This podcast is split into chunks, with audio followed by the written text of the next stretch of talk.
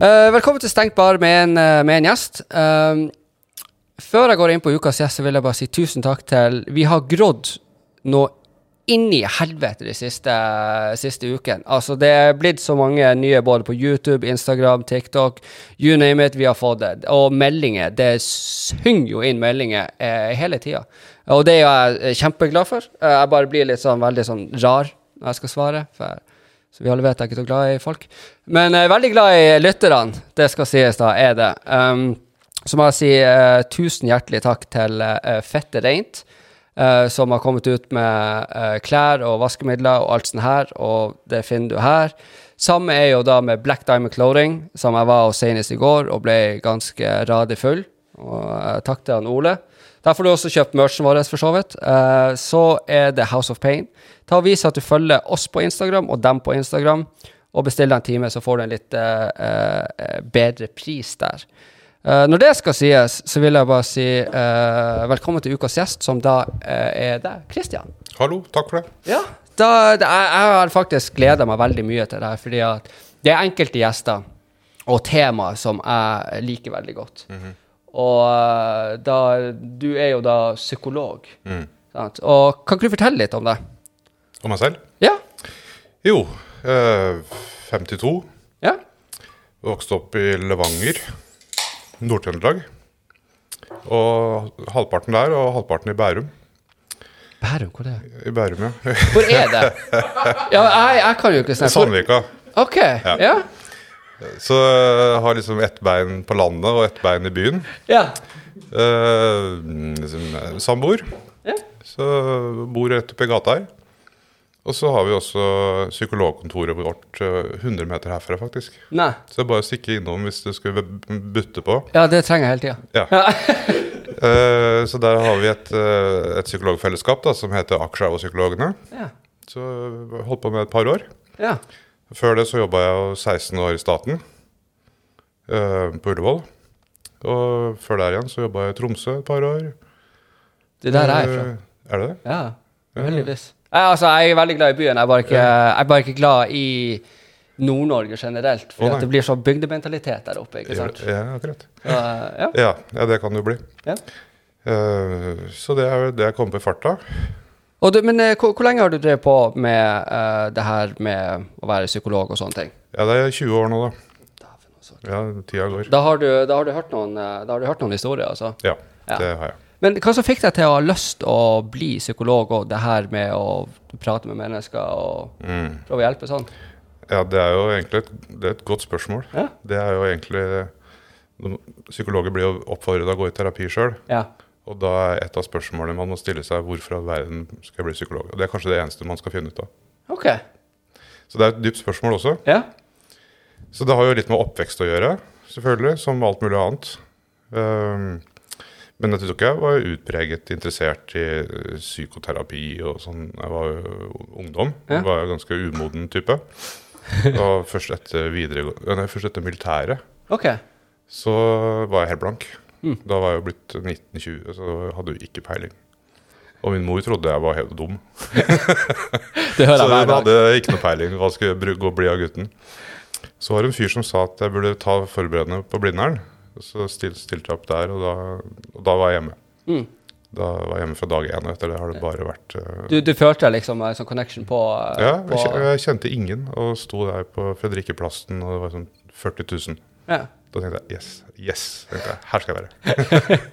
ja, det, det, det Så jeg, jeg er glad i folk, da. Ja, Mm. eh, for det sies jo det at uh, jeg, jo, jeg er jo mer enn uh, middels uh, fascinert av psykologi. da. Mm. Jeg har jo drevet på og lest på masse i ung alder, og Ja. det er noe som jeg eh, har sånn hjemmestudert i alle år. Eh, både fordi at jeg ble veldig mye mobba og sånne ting, og forsto aldri hvordan jeg skulle interacte med mennesker. Mm. Så da på måte, Jeg tror det var faderen ga meg faktisk ei bok, eller han hadde ei bok om psykologi, og så bare begynte jeg å lese. Ja. Og bare tok noen triks og, triks. og sånn for å på en måte bli flinkere med det sosiale aspekten. Ja. Men det er også på å eh, både forstå meg sjøl, men også andre. Mm. Uh, men det sies jo det at dem som blir psykolog, er der fordi at de har indre spørsmål om, om seg sjøl, eller Ja, ja. en- så, sånne ting. da. Ja.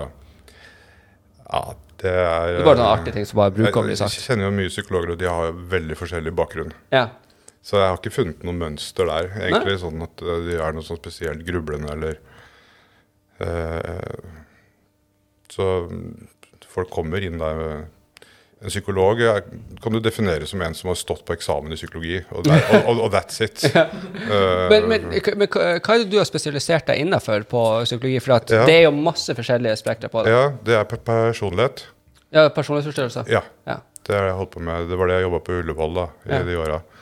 Det som heter ustabil, eller emosjonelt ustabil, det var liksom hoved... Borderline. Ja, borderline, ja. Det er jeg.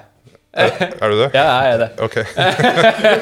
Ja. Jeg, fikk, jeg fikk diagnosen her for noen måneder siden, og eh, det var eh, Det var godt å på en måte kunne få kartlagt liksom en ting om at her eh, Og det er også med en gang psykologen tok det opp, for jeg har gått hos psykolog i godt over ti år, tror jeg. Ja.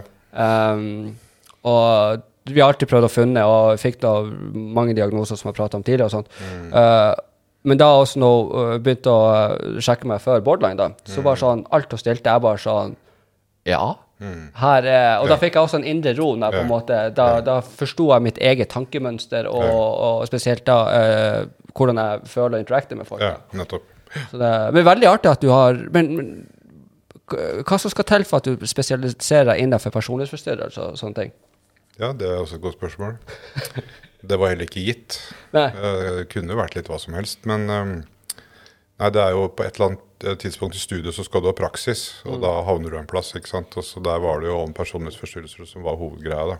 Så da stuper du jo inn i det og liksom leser alt. Og da baller det gjerne litt på seg, så du skriver kanskje en artikkel om det, og så blir liksom karrieren litt deretter. Andre igjen havner på psykose eller Ja. angstlidelser eller eh, barn og ungdom og blir liksom den veien. Så jeg hadde ikke noen sånn spesiell feeling for at det var det jeg skulle drive med. Jeg var interessert i psykoanalyse, som, som er som én retning, da.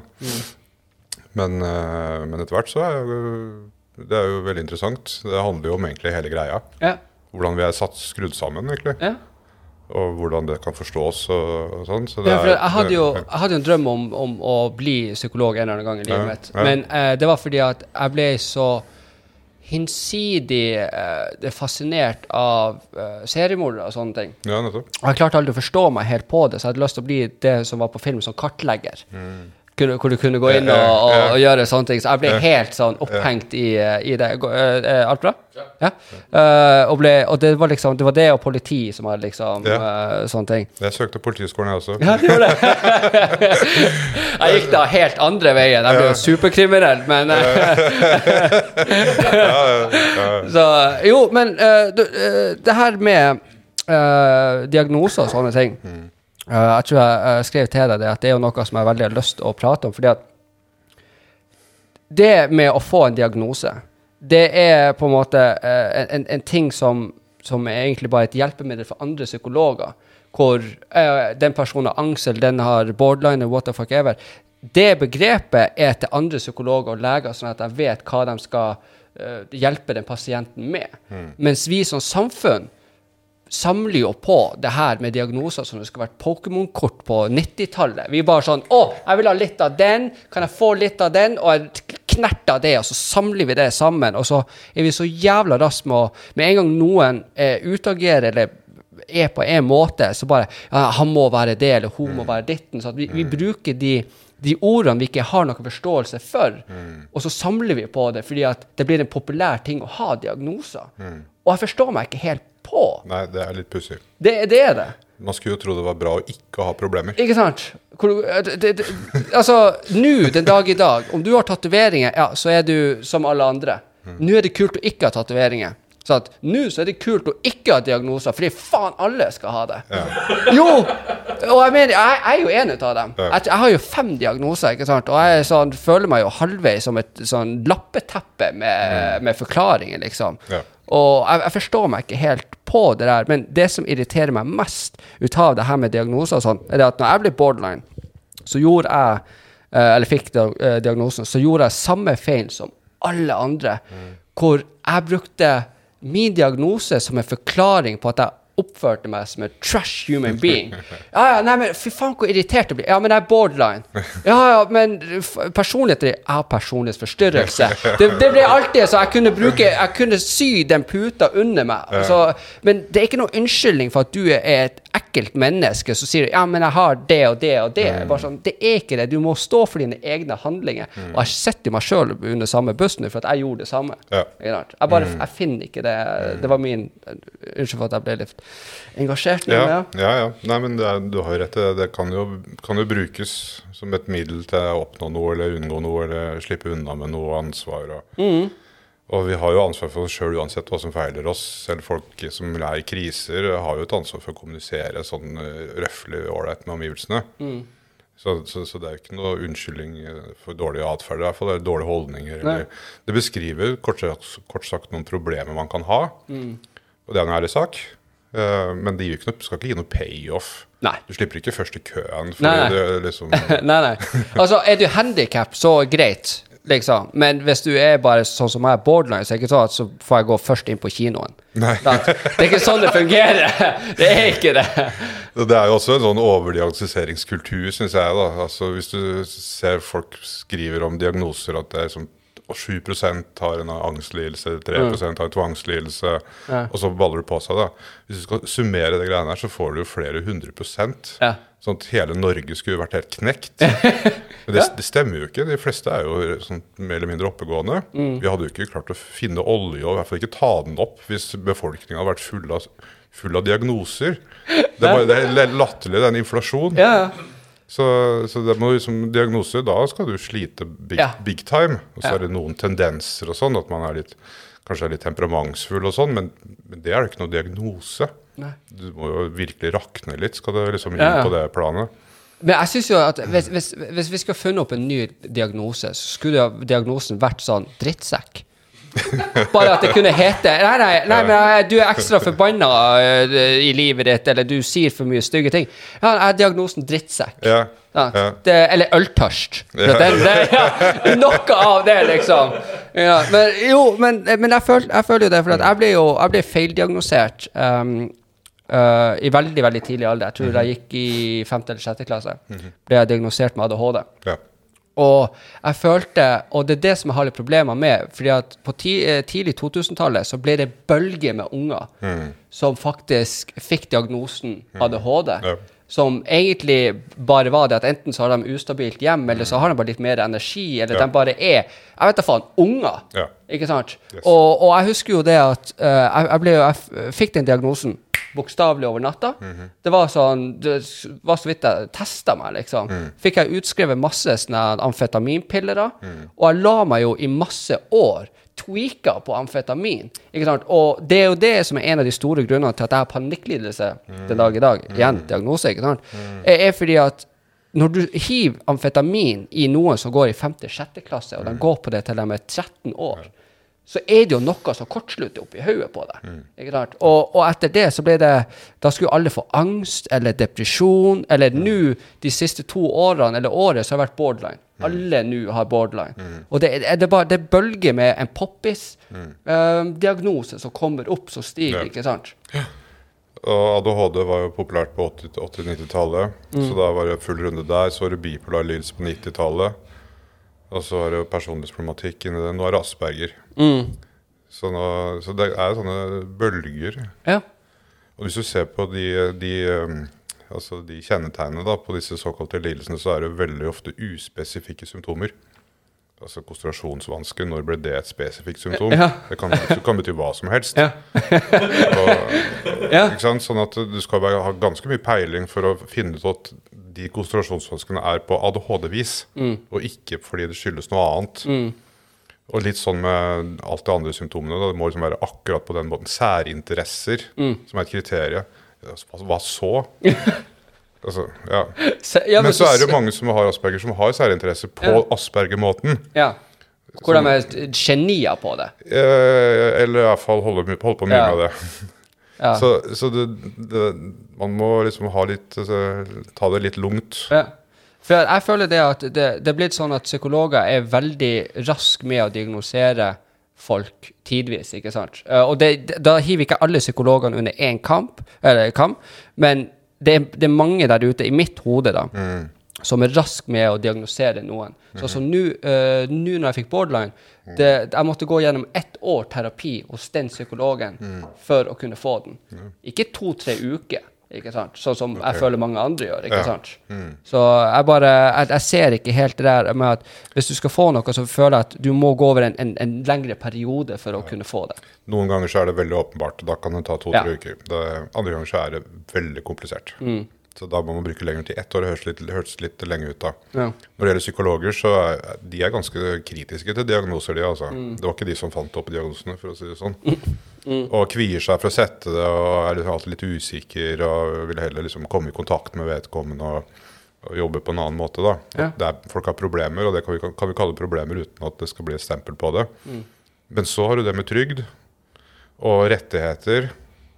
Og folk har krav på å få vite hva som feiler dem, og at det ligner på et eller annet. Ja.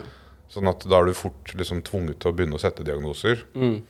Eh, Sånn at det er litt, For mange psykologer er det ganske motvillig at de må liksom inn i den verden der. Oh, oh, ja, OK.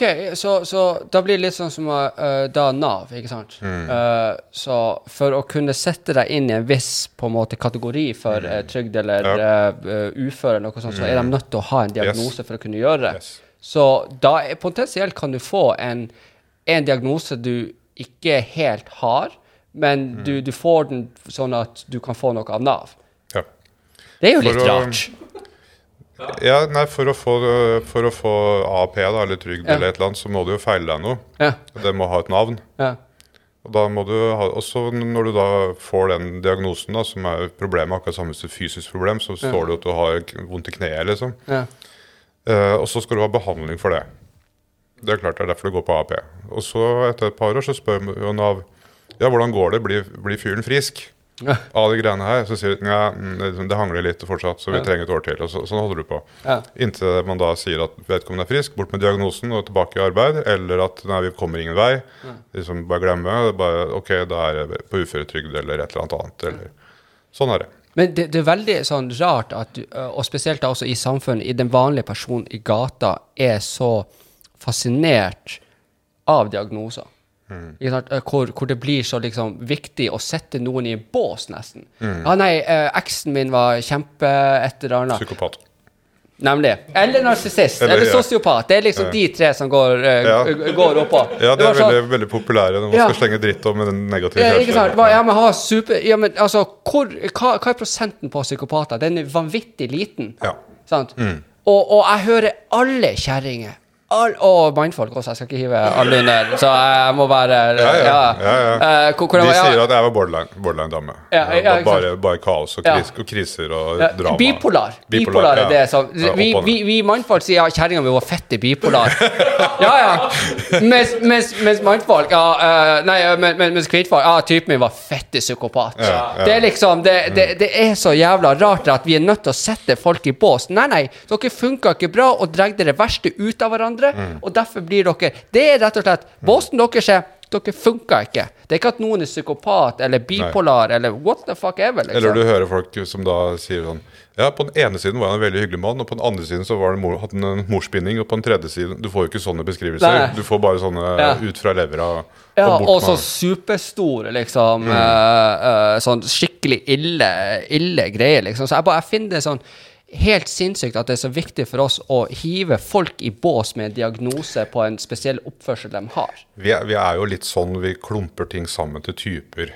Ja. Så det forenkler, Ja. ikke sant? Sånn at uh, må du si noe sånn to setninger Nå kommer det en venn av deg, hva slags fyr er det? liksom? Ja, det er en jævla kjepphøy type. Ja. Og så har du liksom Det var det. Du kan sikkert si mye om den fyren, Ja. men det er liksom det du hiver ut, da. Og så skjønner folk sånn cirka hva det går i. Men, men, men da, altså, hva hva er prosenten på bipolar og sånt? Bipolar uh, lidelse ja. ja. for det er jo flere typer ja, har- lidelser, så Nei, hva er det da? Et par prosent? Ja. Og, eh, for at, for, og nå har jo jeg vært sånn, også sånn idiot at jeg sitter jo på mye, mye på TikTok.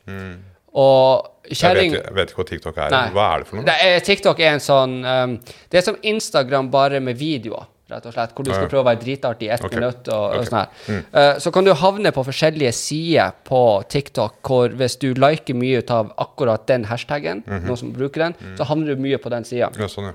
Så kjerringa har prøvd å forstå seg litt på meg, for det, jo det har jo egentlig alle prøvd. Alle psykologene finner jo faen ikke svar. Uh, og kjerringa prøver jo, så hun havna plutselig på sånn eh, borderline-sida på TikTok, ikke sant. Og så kom jeg inn på deg sjøl, og det er så sinnssykt mange som claimer at de er borderline og alt sånt, og, og sånt. men prosentmessig kan jo ikke det være så satans mye, kan det det? Når det gjelder personlighetsforstyrrelser, så er- finnes det noen studier i Norge på at det er 10% men det syns jeg høres også Ja. veldig høyt ut. Eh, Men samtidig så er det en del som ikke blir diagnostisert også, som holder på å herje rundt forbi. Ja. Så det er sikkert en del som har OK, det er det, ja. Borderline er 1-2 Ja. Det er også veldig mye, men eh, det, er jo litt avhengig av hvordan man ser på det, og hvor alvorlig. ikke? Ja. Du kan ha litt borderline, og så kan du ha veldig mye. Ja. Så, Diagnoser er jo ikke disse stemplene. Det, det er mye mer, det flyter mye mer enn en, en, Ja. enn folk skulle like å tro. Ja. Ikke sant? Sånn at du kan jo være litt borderline-fri, eh, for å si det sånn. da, En bra høst. og, så, og så raser det på igjen, Ja. og så er du, er du litt i det. fordi Ja. disse tendensene ligger jo der litt sånn og slumrer. Mm. Og, så, er- og så er du veldig plaga en periode, og så, så er du litt over under terskel for diagnose. og Det er veld, veldig artig at, at du sa det, for jeg kom jo inn her i dag, og jeg har jo hatt to veldig gode måneder. For tre dager siden så fikk jeg sånn skikkelig eh, tilbakefall på, på det. Og det er jo sånn at det med også borderline er det at du har en ekstrem angst i, i diagnosen. Er ikke det rett? Nei. Er ikke det? Er jeg feil? Ja, det, det har ikke noe med angst å gjøre, men du kan jo ha angst i tillegg. Ja, det er litt okay. avhengig av at noe må jo gå Ok, for, for Psykologen min Ja. fortalte at det, i det så er det en angstlidelse i borderline-greia. Eller, ok, Nei. ja. Ikke sant? Det kan du se allerede nå. Ja. Eh, Det ikke, for det er ikke noe symptom på angst hvis du ser på kriteriene. ja. Så er det sånn uh, sterke følelser som er veldig vanskelig å kontrollere. Uh, Identitetsvansker som skifter, med, skifter hvem jeg er hele tiden. ja. Og så er det kriser. Uh, Ja. Så er det vanskelig å kontrollere sinne. Du, har, du har en liste, da. Men det står ikke noe om angst der. Ok. Men hvis du har en borderline-struktur Ja. sånn inni deg, så blir jo livet litt vanskelig. Ja. Og da kan du få angst av det. ja. Men det er ikke ja. en del av kriteriene. Ok. Ja. Angst er et symptom. For fikk, eh, for, da, for tre dager siden så fikk jeg på en måte tilbakefall på det. Og da får jeg også de humørsvingningene som går uh, Mm. som skikkelig, og veldig den uh, krisemaksimeringa at så fort noen ikke svarer meg på en melding, så bare så Hva fuck har jeg gjort nå? Uh. Eh, Ikke sant? Og få- eh, blir, eh, blir sånn her. Ja. Og, og det, det er veldig rart hvor, hvor du kan ha, og da er det også med sånne ting at du kan ha gode perioder Mm. hvor, du- hvor du, du merker tendensene til det, men det, det, u, eh, det er ikke så utagerende. Og så er det andre perioder hvor du bare sånn eh, OK, hva, hva er det som skjer nå? Ja. Og så har du på en måte Jeg, jeg merker at jeg, jeg glemmer de, de tunge periodene i de gode. Mm. ja, det er Så- bra. Det er så- bra. Ja.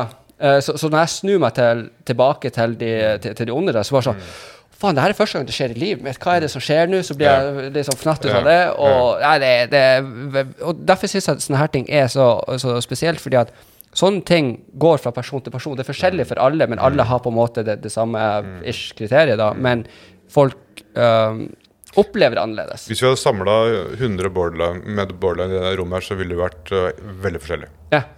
På forskjellig vis, av forskjellige grunner. Mm.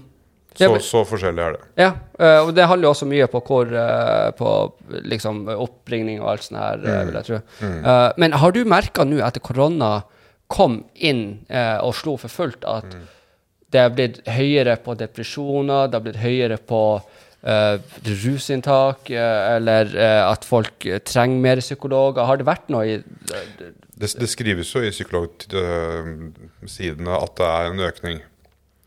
Sånn at det må vi bare tro dem på det. Spesielt blant ungdom. Ja. Og blant rus har det vært rapportert. Og at folk får mer henvisninger og sånn. Man diskuterer det. Eh, nå jobber jeg privat, da, sånn at, eh, så det har jo litt å si hvem du ser, for hva du vet, på en måte.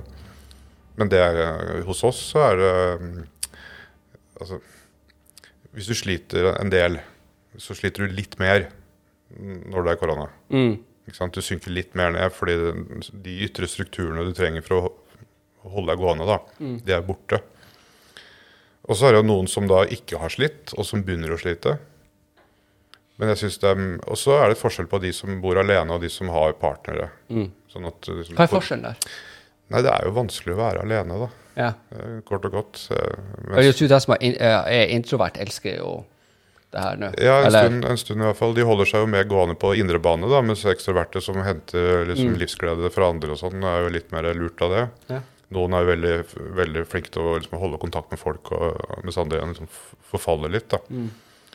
Det er evnen til å opprettholde en, struktur, en sosial struktur på tross av korona som, som berger. Men jeg tror det å ha en, en partner eller venner, det, da berger du, for da, da har du noe å holde Du hjemme. Du får et visst uh, inntrykk. Ja, komme hjem og, og sitte hjemme på hjemmekontor og, og ikke ha en partner. øh, og liksom vennene forsvinner litt uti der. Da kan man bli ganske tussete. Altså. Ja, ja. eh, det tror jeg. Men det er også det at eh, det her med korona gjør par til å Hvis, hvis par overlever korona, Mm. så tror jeg faen dere kan overleve alt. Og det vet jeg first fucking hand. Ja, ja. ja. For jeg, jeg, jeg og kjerringa møtte hverandre jeg tror det var måneden før koronaen liksom kom. Og vi flytta sammen sånn. eh, og eh, når koronaen traff inn, og vi hadde, jeg hadde for lite leilighet, ja, eh, vi finner vår egen. Ja. Og da var det sånn at da hadde plutselig ikke jeg jobb. Og vi bodde oppå hverandre. Og da ble det jo litt spetakkel og helvete. Som, og da også, også et nytt forhold hvor dere lærer enda å bli Vi har jo ikke lært oss å bli kjent med hverandre ennå. Så det har jo gått utmerka. Altså, det har gått veldig, veldig bra. Men det er jo også det at du merker jo det at Sånn som jeg har vært i tidligere forhold, det kan ikke jeg ha her. fordi jeg kan ikke gå ut nå. eh, jeg kan ikke gå på date med henne. Jeg kan ikke gjøre sånne ting. Så par og sånt som er i korona, det er jo en prøve for dem. Ja. Jeg tror. Det, det er jo det. Men samtidig så, så er det er jo noe bra òg, ikke? Ja, ja. Altså, sånn, øh, hvis du skal tilbringe tid med den dama der gjennom, livet, så er det jo like greit å bli kjent med henne først som sist. da. Ja, det er ildprøven. med- Ja, det er ildprøven med en gang, liksom. Sånn. Så, eh, men jeg har jo trodd at uh, For at vi mennesker er jo veldig sånn eh, Både vanedyr, eh, men det er også det med at eh, vi har litt en flokkgreie med oss. at Vi, vi liker å være med folk, være omgjengelige og, og liksom være ute og få inntrykk og gjøre ting og sånn. Og ikke minst det også at eh, vi, eh, vi leter etter uh, eh, andre mennesker som kan forfylle noe i oss, ikke sant? Eh, og da er det sånn at hvis du ser på det eksperimentet som ble, ble gjort med de rottene uh, Hvis rotta var alene, så rusa han seg på det kokainvannet. eh, mens når han hadde masse rotter, uh, hvor rat heaven, eh, så tok han det ekstremt sjeldent. Ja. Så jeg vil tro da også at hvis du i koronatida da sitter og ikke har den fysiske kontakten, at du får det fulle i deg, så det er mye lettere Og jeg merker jo veldig på meg sjøl at det er mye lettere for meg å våkne opp og ta meg en pils og sånne ting, for å på en måte døyve noe. ikke sant? Så jeg vil jo tro at russtatistikken går jo har jo gått veldig mye opp fordi at folk er mer og mer alene og ikke får det, det, det, det fulle sitt andre plasser. Ja. Det er veldig interessant. Det, det treffer litt sånn barndom, egentlig. Ja. Ja, altså, hvis, man, hvis det skjærer seg med kontakten i familien, Mm. så går barn på rommet sitt og begynner å gjøre ting med seg selv. Mm, spille, eh, tegne Ja, Onanere. ja. Altså et eller annet. Så du overtar på en måte Du gir opp det sosiale. Det kommer ikke noe inn. Og så blir du så, så, solopsistisk. da Du holder på med noe for deg sjøl for å ja, skal selvskade, altså, whatever. I Dataspill, bare drømmer inn i noe.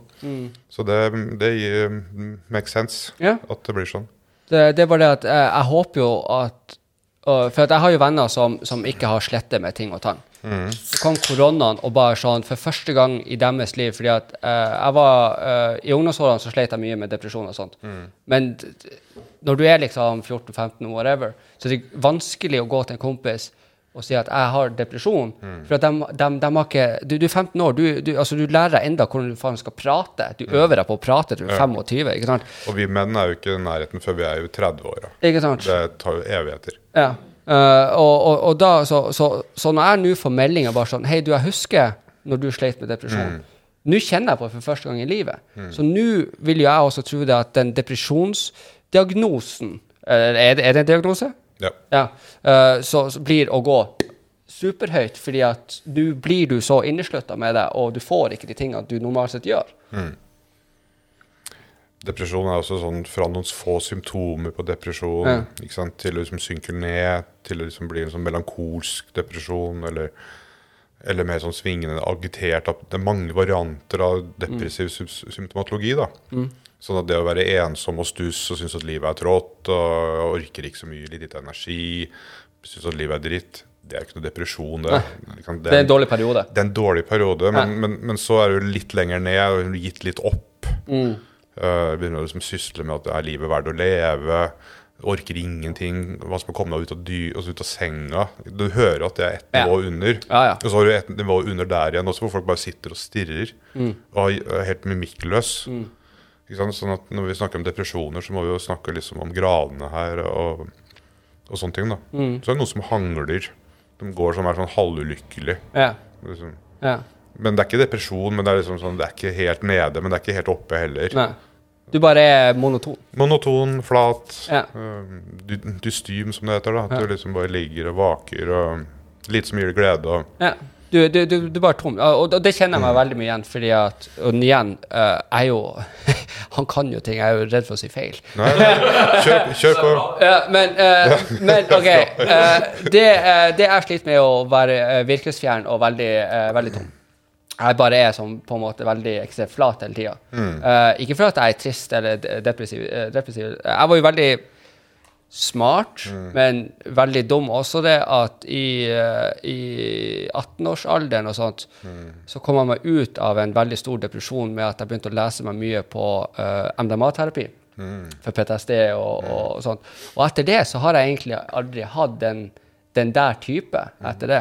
Men jeg kjenner meg veldig mye igjen i det å bare på en måte være helt flat, hvor det er ikke noe glede alltid, det er ikke noe eh, sorg, du bare er til stede. Ja.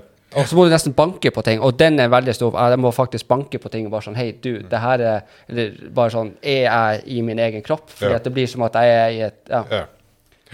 Så, og jeg tror mange kjenner på det nå, og det, det, det, det er trist å vite at venner av meg som aldri har hatt det, har slitt litt med det nå, da. Ja. Uh, men igjen, på gode så er det lettere å gi forståelse Mm. også. Eh, neste gang en kompis kommer til han eller hun, Ja. Så bare «Å, OK, men nå kan vi prate, nå har forståelse for det. Ja. ja, og vi menn er jo Vi er, litt, vi er ikke helt på, på topp der, altså. Nei. Det, det er mye bra å si om menn, og vi snakker ikke på damers vis heller. Nei. Sånn at liksom det å dra på tur eller veksle noen ord og ha et ytre fokus da, på en fotballkamp eller et eller annet musikk, eller samtidig som vi hører hvordan man har det. det er jo liksom, vi må jo være på vår måte. Vi skal jo ikke bli som kvinner, selv om de er ganske gode på det. Da. Så vi Ja. har jo litt å lære sånn sett. Men, men, eh, men det å vise hvordan man har det, og liksom eh, slippe litt maska, det skaper utrolig til vennskap. Ja? Eh, Jeg vet ikke om du har noen erfaring med det? men Jo. Altså, altså, folk skjønner litt hvordan du har det, og liksom man blir kjent på et annet plan, så går det bedre igjen. Og så er, det, og så er det kanskje litt motsatt. Og, Ja. Øh, så vennskap øh, mellom menn over tid, det skal du ikke kimse av. Altså. Nei, det er veldig viktig. Ja. Jeg har lest mye studier på det, Mm. at det er faktisk veldig viktig at eh, menn får lov til å møtes og være menn. eh, eh, noen gang eh, i måneden, tror jeg det var. Jeg husker ikke helt. eh, det, Ja. greia var. Men, men hvorfor tror du det er? For det var en, en som følger Stengt bar, som spurte om jeg kunne spørre om Hvorfor er det sånn at vi mannfolk er så jævla dårlige på å prate om følelser? Enten til andre mannfolk eller eh, partner eller what the fuck ever. Vi er jo ikke kultivert inn i, i den greia der. Nei. Det, noen er det.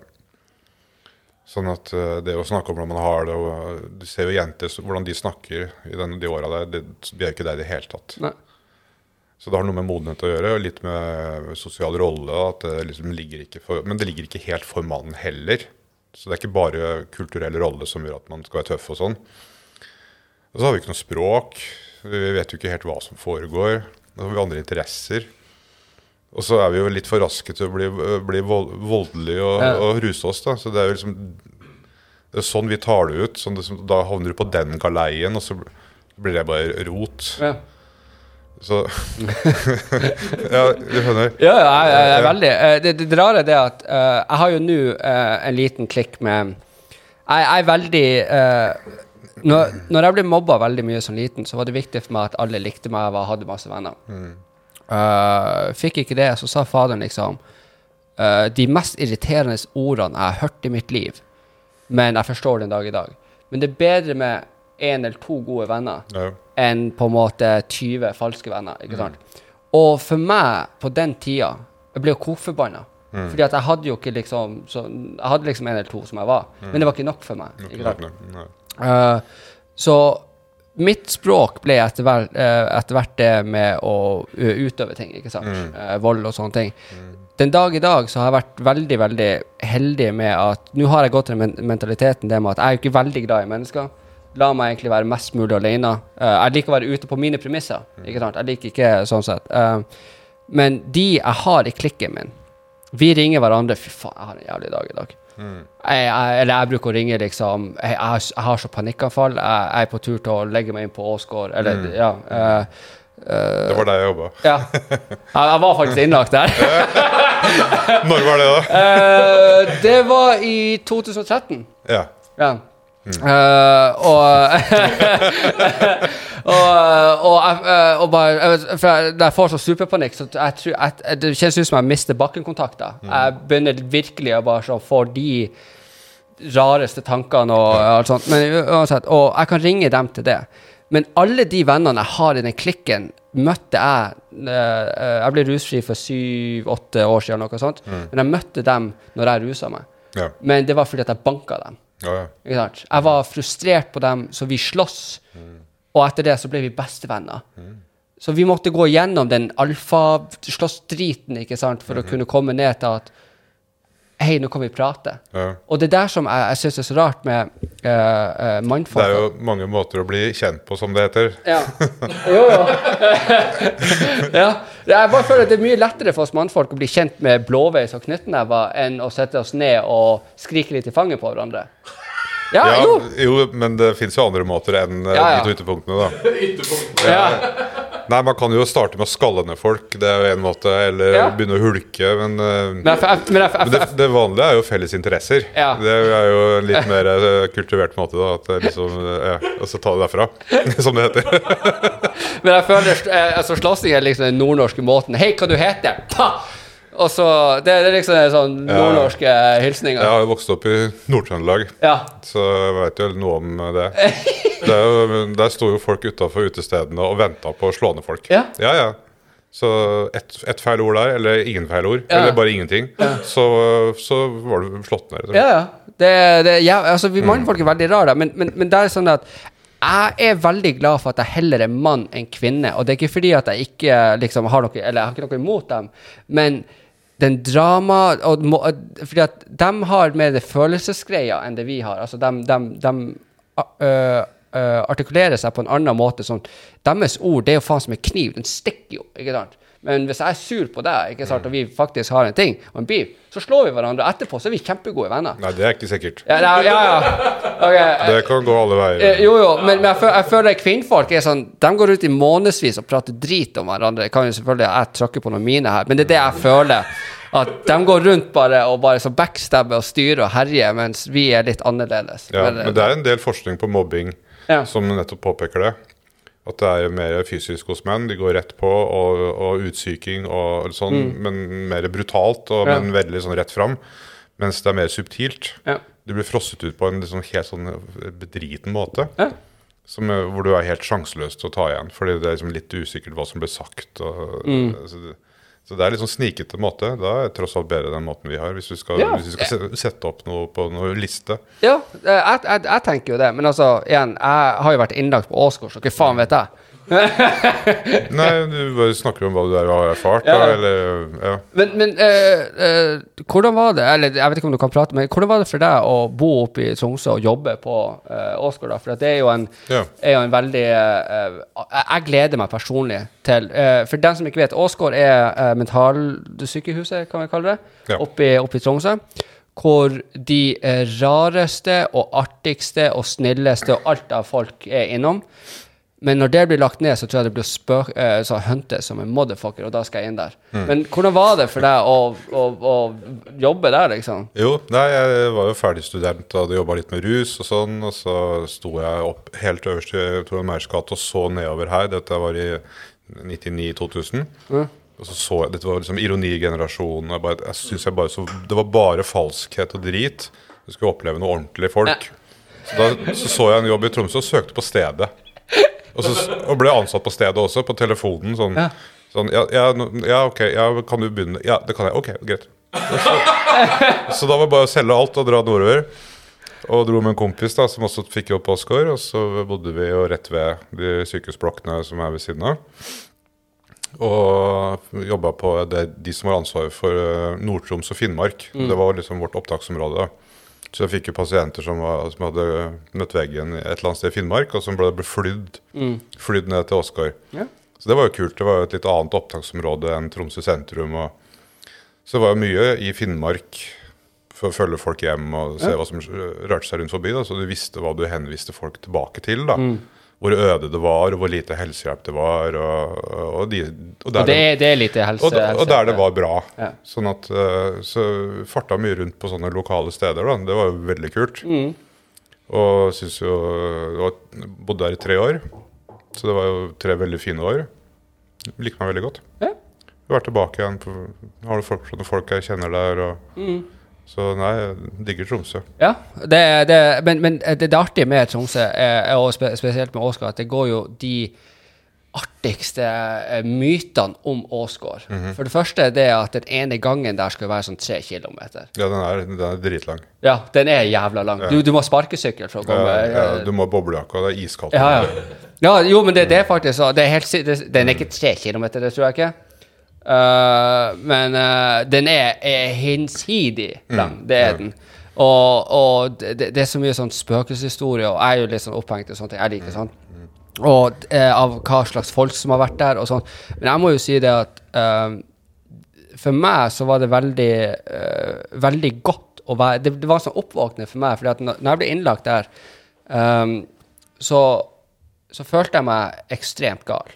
Og det er jo en sånn superfrykt jeg hadde i, i hele mitt liv, å bare tippe over og bli Ja. eh, Ja. liksom Altså, jeg, jeg har, min frykt for å bli gal er større enn en, uh, døden.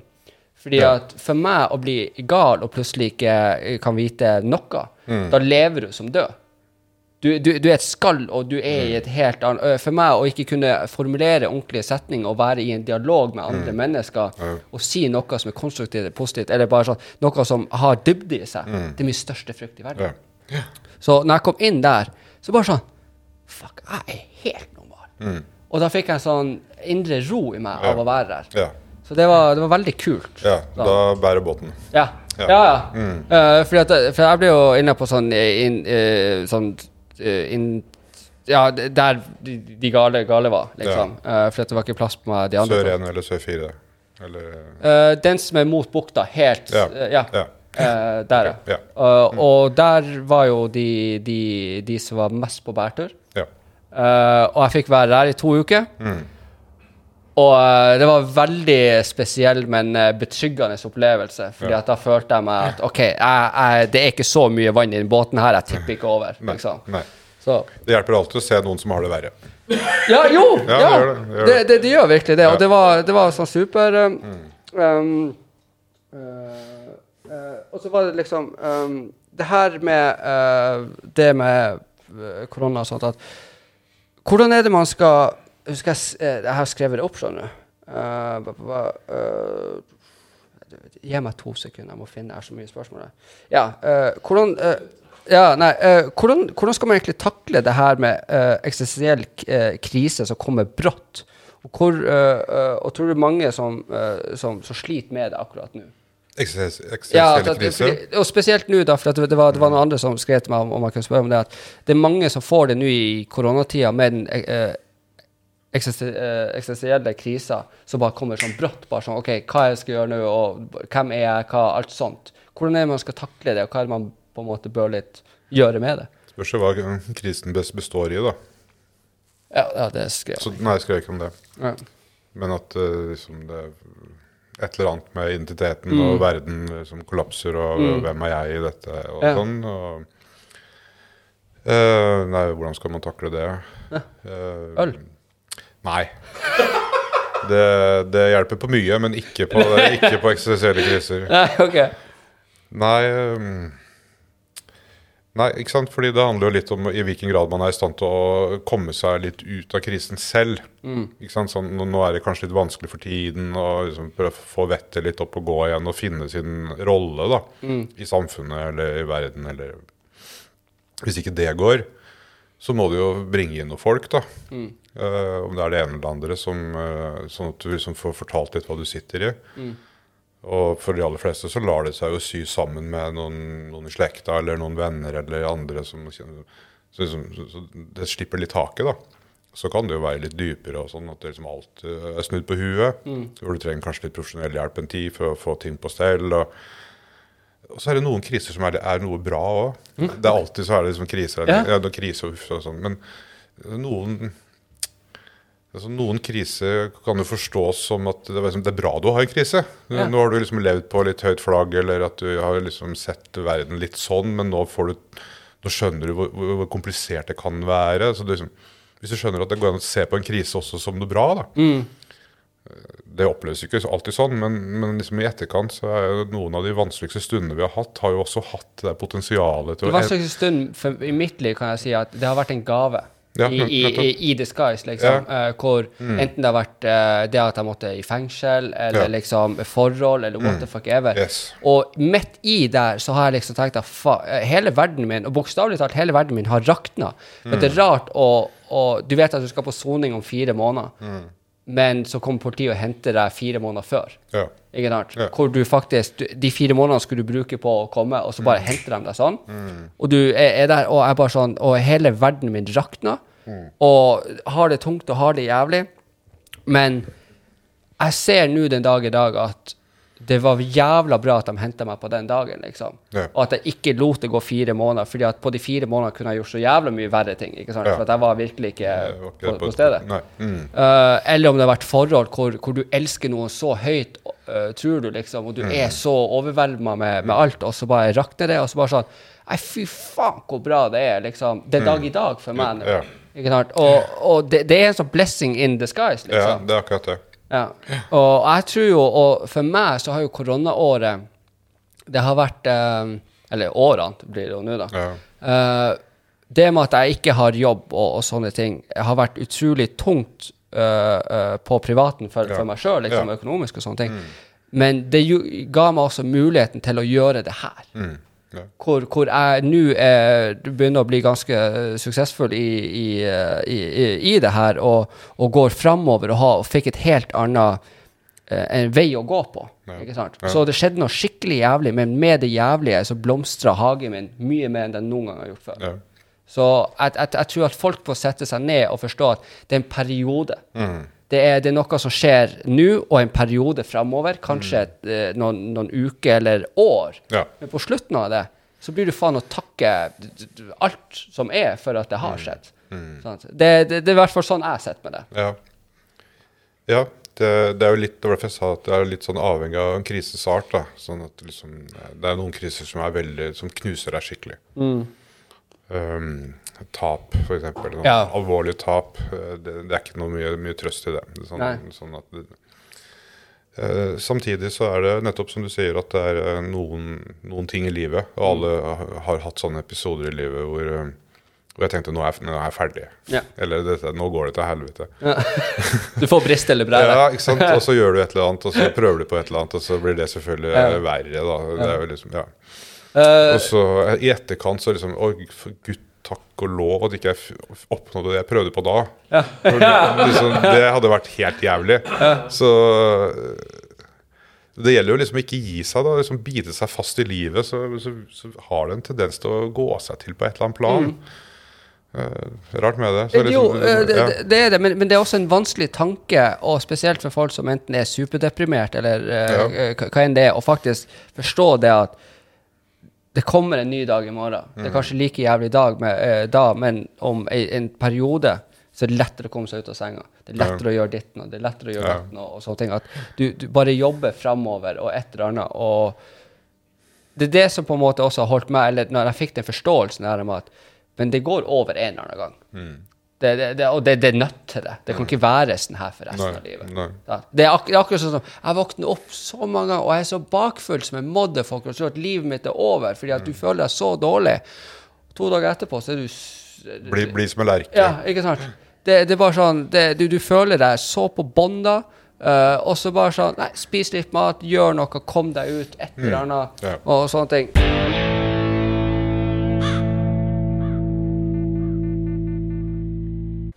Mens vi har dere her, så husk å abonnere på eh, YouTube-kanalen til Stengt bar. Og vi har TikTok og Instagram og Facebook. Og for så vidt også, ta og uh, sjekk ut uh, våre sponsorer. Uh, der har vi noen gode dealer. Ja, gjør det. Yes.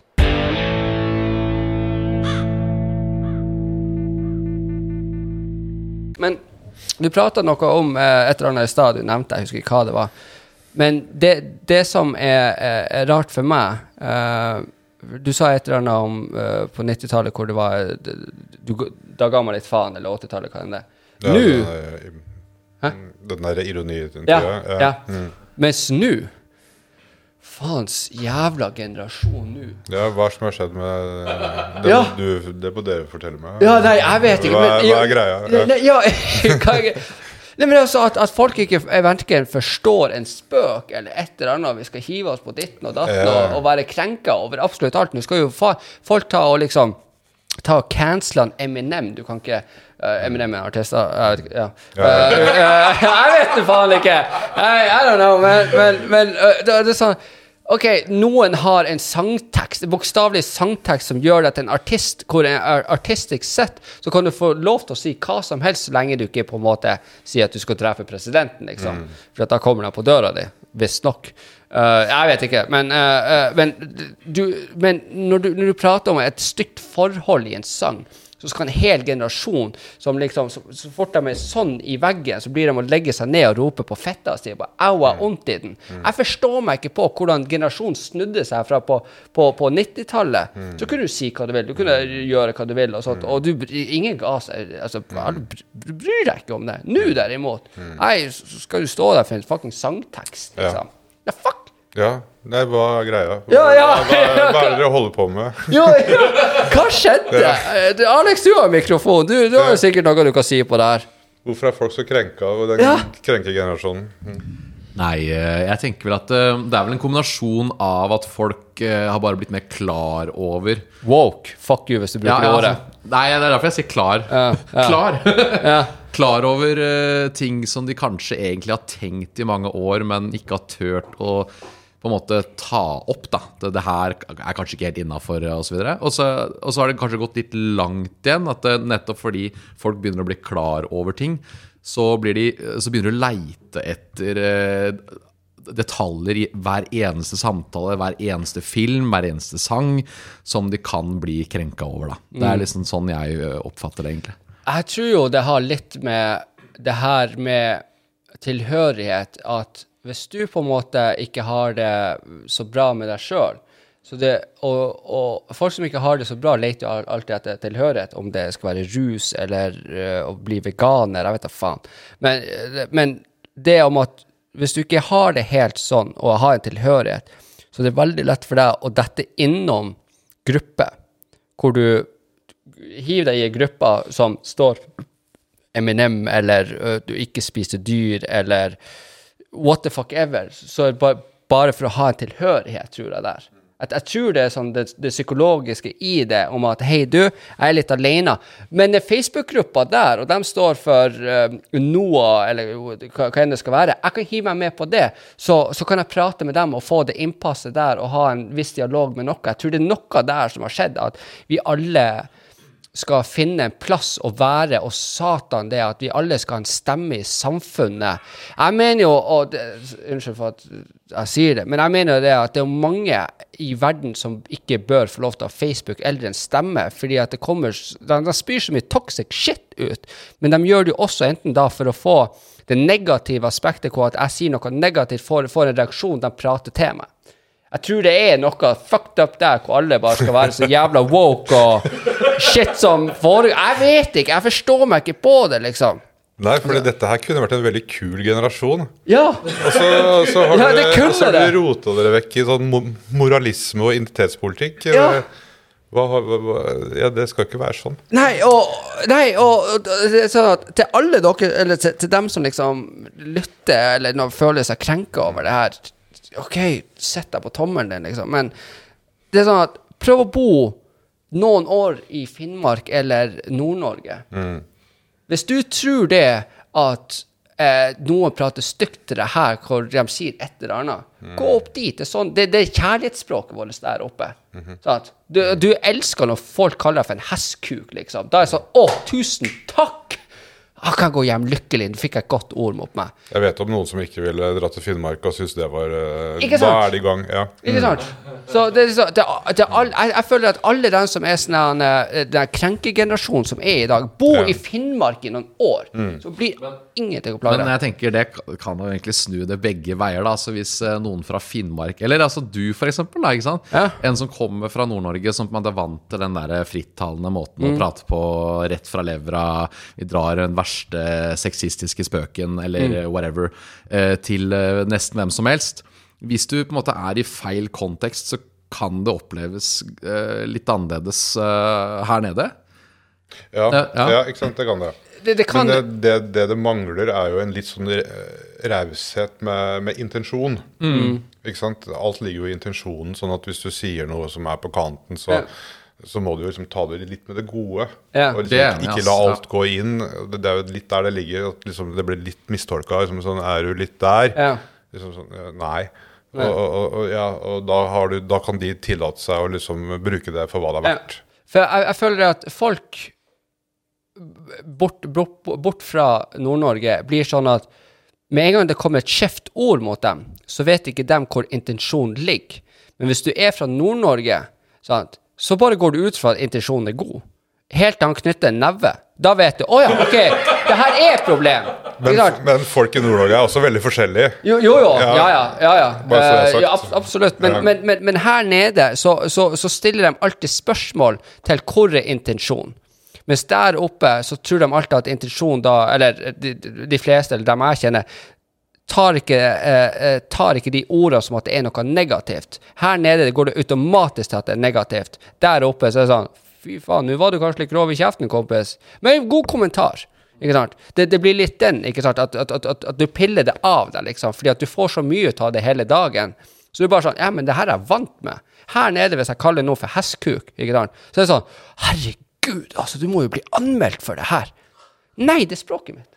Det er, det, det, det liksom det. Så jeg tror, jeg tror vår generasjon har fucka opp. Jeg, jeg tenker jo egentlig at uh, nordlendingmentaliteten er kanskje litt sånn som uh, visse bygdestrøk i, eh, i Oslo, altså i, på Østlandet. Altså Jeg kommer fra Lier, og jeg må jo innrømme at uh, det var jo tider hvor jeg syntes at uh, det var mye sånn rasistisk humor som var kanskje det var ikke ment negativt, men hvis du er den eneste som er litt sånn brun der, Mm. så har ikke de noe som helst peil på hvordan det er å være i den mottagende ende. De er kun i den som serverer. Mm. Det når du sant. kun er den som serverer, så, så kan du servere spøken gang på gang på gang, og Mm. så bare forventer du at det skal være, at det skal være vende det andre kinnet til hele tiden. Da. Nei, da går det fra humor til mobbing. Ja, Du må se linja imellom der fra humor til Mm. Problemet er at det er vanskelig å se det når du er i en, eh, en, kun i en serverende rolle, på en måte. Ja, absolutt. Ja, det, det, det Da er det du som definerer hva, hva som er humor, ikke sant. Altså, Ja. så må han vedkommende Men ikke sant, når du tar det og overdriver det, så får du den derre veldig sånn snowflake eh, Eller eh, ja, veldig oversensitiv eh, 'jeg er så veldig unik' og de greiene der. Ja. ja men, det, men, det, men, det, men det, jeg tror også det at ungdommer nå er, er så eh, Spesielt også da med sosiale medier og sånt, som også jeg vil tro har veldig mye med den psykiske helsa å gjøre. Hvor at de, de, de leter etter å bli sett hele tida. Eh, om det skal være å bli kjent for uh, I hvert fall det med å bli kjent, om det skal være med at Og de, de, de er villige til å dra strikket så langt at Og unnskyld for at jeg sier det til vennene mine som har vært på det, men de er villige til å gå på Ex on the beach, perra, pule på TV-en og styre og herje for å bli kjent for noe, for å bli anerkjent. Er vi sånn i samfunn nå at vi ikke klarer å anerkjenne og sette pris på vennene våre i omkretsen, at de, de føler at de er nødt til å dra strikket så langt? bare for å få noe form for oppmerksomhet. Det er jo egentlig farlig i, den, i en veldig sånn ung syke, er det ikke det? At, At du blir drevet av et oppmerksomhetsbehov som fører deg på avveie, da, Mm. med masse annen drit i det. Litt sånn. Ja, nei, Det er ikke noe galt med å, å ha et behov for å få oppmerksomhet, sånn i og for seg. Det er jo litt hvor du går, og med, med, med hvilken uh, Altså, Du kan jo ha et, få et oppmerksomhetsbehov for å bli en uh, god forsker. Altså, Jo, jo. Det er jo litt bedre enn å ha sex på TV. Ja. Jeg vil jo si det. Det er jo litt, litt mer imponerende at du sitter helg etter helg etter helg med å prøve å gjøre litt sånn vitenskapene bedre, enn at du liksom er i stand til å ha sex. Ja. Jeg blir ikke så imponert over det. Nei. Det er sånn, sånn utrolig du er imponerende. Du klarte å ha sex. Du klarte- liksom? Ja, du, liksom, du, det, var, det gikk, gikk seg til, liksom. Du klarte, klarte det. Ja, mm. Eller at eh, noen eller at du stilte opp og liksom klarte å stå foran et kamera og si noen setninger. Ja. Det er liksom, ja, det var veldig imponerende. Så, men, eh, så det er liksom noe med å ta av brodden og Ja, jeg vet ikke. Men uh, det er også en litt sånn ny kultur, det der med det som dere kanskje har mer, som har mer på, på, liksom på, på feelingen enn det jeg har. Eh, Hva Det virker som det nesten har blitt litt normalt. At liksom, det er en grei ting å gjøre, liksom. Litt Ja. sånn, ja. Mm.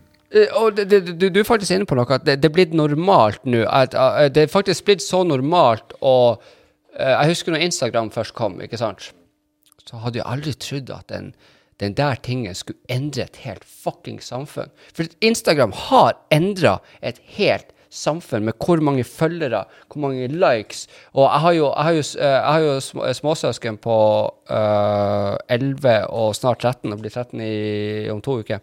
Eh, og det artige for meg, og det er det jeg syns var så sykt, og i hvert fall også det med kroppspress Hun lillesøster sendte til meg her om dagen jeg ble sjokkert. Hun sendte meg den videoen med Sofie Elise hvor hun prata om dem med perfekt kropp, og hadde lagde eh, en reklame om ja, jeg jakter etter den perfekte kroppen. Så først så heiv jeg silikon. Kan ikke stoppe der, så jeg opererte rumpa og alt sånt her. Og hun sendte den videoen til meg, og han begynte å prate med eh, lillesøstera mi på, på nesten 13 år. Hun var sånn 'Føler ikke du noe kroppspress?' Hun bare sånn 'Jeg gjør jo det'. Og det liksom Hun sender meldinger, for hun sitter på TikTok mye og sier at eh, 'jeg har så mange likes', eller whatever. Bare, 'Herregud, du er, du er jo sånn', og, og jeg forteller hvordan venner jeg har som har vært på TV, og bare sånn 'Å, jeg ser så opp til dem'. Og hvor, hvor de leter etter den der tingen. For meg så blir jeg livredd. Sånn jeg starter jo og skal blokke henne på faen alle medier, så at hun ikke kan få det inntrykket av at jeg er som på en måte det, selv om jeg til viss grad er det, absolutt. Men ikke at jeg prøver å gjøre det på en toxic måte. Men når du har små jenter og gutter som leter etter det så mye at de er villige til å, å, å selge seg sjøl, enten på nett med lettkledde bilder eller uh, what the fuck ever, eller rett og slett det, om du ser på Logan Paul, han youtuberen, som, som ble superpopulær fordi han gikk inn i en skog og filma en fyr som hadde hengt seg sjøl i Japan, og blowa opp på det. At du er villig til å ta moralske grenser og strekke dem så langt ut bare for å få de likesene. For meg er det mindball... Altså, jeg forstår meg ikke på det. Og det skremmer meg. Altså, jeg forstår ikke psyken hvor du er Jo, hvis, villig hvis til du er veldig, veldig gira på å få mye oppmerksomhet, så, Mm. kan, du jo være, så kan du gjøre sånt. Jo, jo. Men det er blitt vanlig. Det blir vanlig. Ja. Jeg, jeg føler vel egentlig at det er eh, kanskje flertallet i dag, eh, i hvert fall på min alder og din alder, alder, Lucifer, og under, så er det en viss eh, craving etter litt oppmerksomhet på sosiale medier. At det er i varierende grad, da. Men altså at flertallet på en eller annen måte ønsker å vise noe av livet sitt. Og, og se, jeg har eh, vært på den turen her. Se hvordan, så bra, hvor bra forholdet mitt er med kjæresten min. Se hvor fine barn jeg har. Altså, du skjønner altså sånn Det er overalt, på en måte. Ja, men det, er- det har jeg ikke noe problem med i det hele tatt. Det er litt sånn små narsissisme. Du viser fram noen sånne ting, og så sier folk så bra, og så, og så ruller båten. Altså, dette er, og det er jo naturlig å vise fram. Jeg synes det, er, det er et naturlig behov. Og at hva syns du jeg er flink, eller syns du jeg er et eller annet eh, Det er helt ok. Så, sånn er vi skapt. Mm. Det er vi stolt over et eller annet. Det er lov å være stolt av at du har pene barn eller har fått kjøpt deg båt. Det syns jeg er helt greit. Men det er liksom Det er noe med Du hører at jeg har ikke noe valg. Jeg må. Og hvis jeg ikke, så blir det helt krise. Du hører at da har du et sjikt under der igjen, og så har du sjiktet under der igjen. At du er villig til å gå ganske langt og drite i moral. Det er ingen etikk som styrer valgene dine. Det er bare styrt av behov. Da har du hakket under der igjen. Så, så det blir det som blir min take på det. Sånn Smånarsissisme på Facebook syns jeg er helt greit. Jeg, når folk legger ut unge, bilder av ungene sine, jeg, jeg liker det som faen. Ja, Ja, så, så topp. Ja, utmerket. Eh, Nydelig unge. Flott båt. Ja, ja, ja, det er go. Ja, ikke noe problem i det hele tatt. Det er helt innafor. Helt normalt, naturlig. fint, artig å se det. Fint at du deler. Lykke til. Men jeg tenker jo at eh, nettopp på grunn av Altså, når det er der, da, når alle har en sånn bitte litt sånn eh, Litt sånn eh, sosiale medier, narsissisme, eller hva du kaller det, sånn en liten grad av det, så, så vil jo Hos noen så vokser den, og så vokser den, og så blir det bare altoppslukende. På, litt pga. teknologien også, og pga. muligheten til å trykke like og alt det greiene der. Så begynner du å telle likes. men, men, men der Ja. har jeg et- Det var ikke meningen å avbryte. Men. Mm. der har jeg et sånn, faktisk et seriøst spørsmål. det at Sånn som Jeg lærte enkelte ting av han pappa, bestefar og bestemor og sånn. Det med humor og sånne ting. Så hvis jeg får eh, dødt eh, eh, uh, kid, ikke sant, så blir hun å ta etter meg. Hvis vi generasjon på generasjon på generasjon gjør det vanlig å lete så mye etter oppmerksomhet, er det mulig da at det med å være narsissist blir genetisk anlagt i vår kropp? Det, nei? Nei. Men eh, det dere kan gjøre, er jo å få folk litt mer interessert i eh, Litt vekk sånn antinarsissisme, da, som er jo kropp, selvfølelse, og attraktivitet og oppmerksomhet. Du hører jo dette er et te tema som er narsissistiske. Og det å få en sunn selvfølelse og få folk til å interessere seg for litt mer ordentlige ting i tillegg. Ja. eh, utenriks, politikk. Altså et eller annet som betyr noe i tillegg, da, sånn at du får spredd det litt. At ikke all energien og oppmerksomheten og det du har investert i, går til liksom speilbildet mitt. Men at eh, altså, Hvordan skulle feministene på 70-tallet sett på sin generasjon kvinner i dag som Altså, De ville jo reve seg håret. Er det dette, er det, er det dette, er det dette vi gikk i tog for? Ja, seriøst. Ja. Folk fått litt noen likes på Facebook, og så liksom Yes. Free the nipple, y'all! Ja.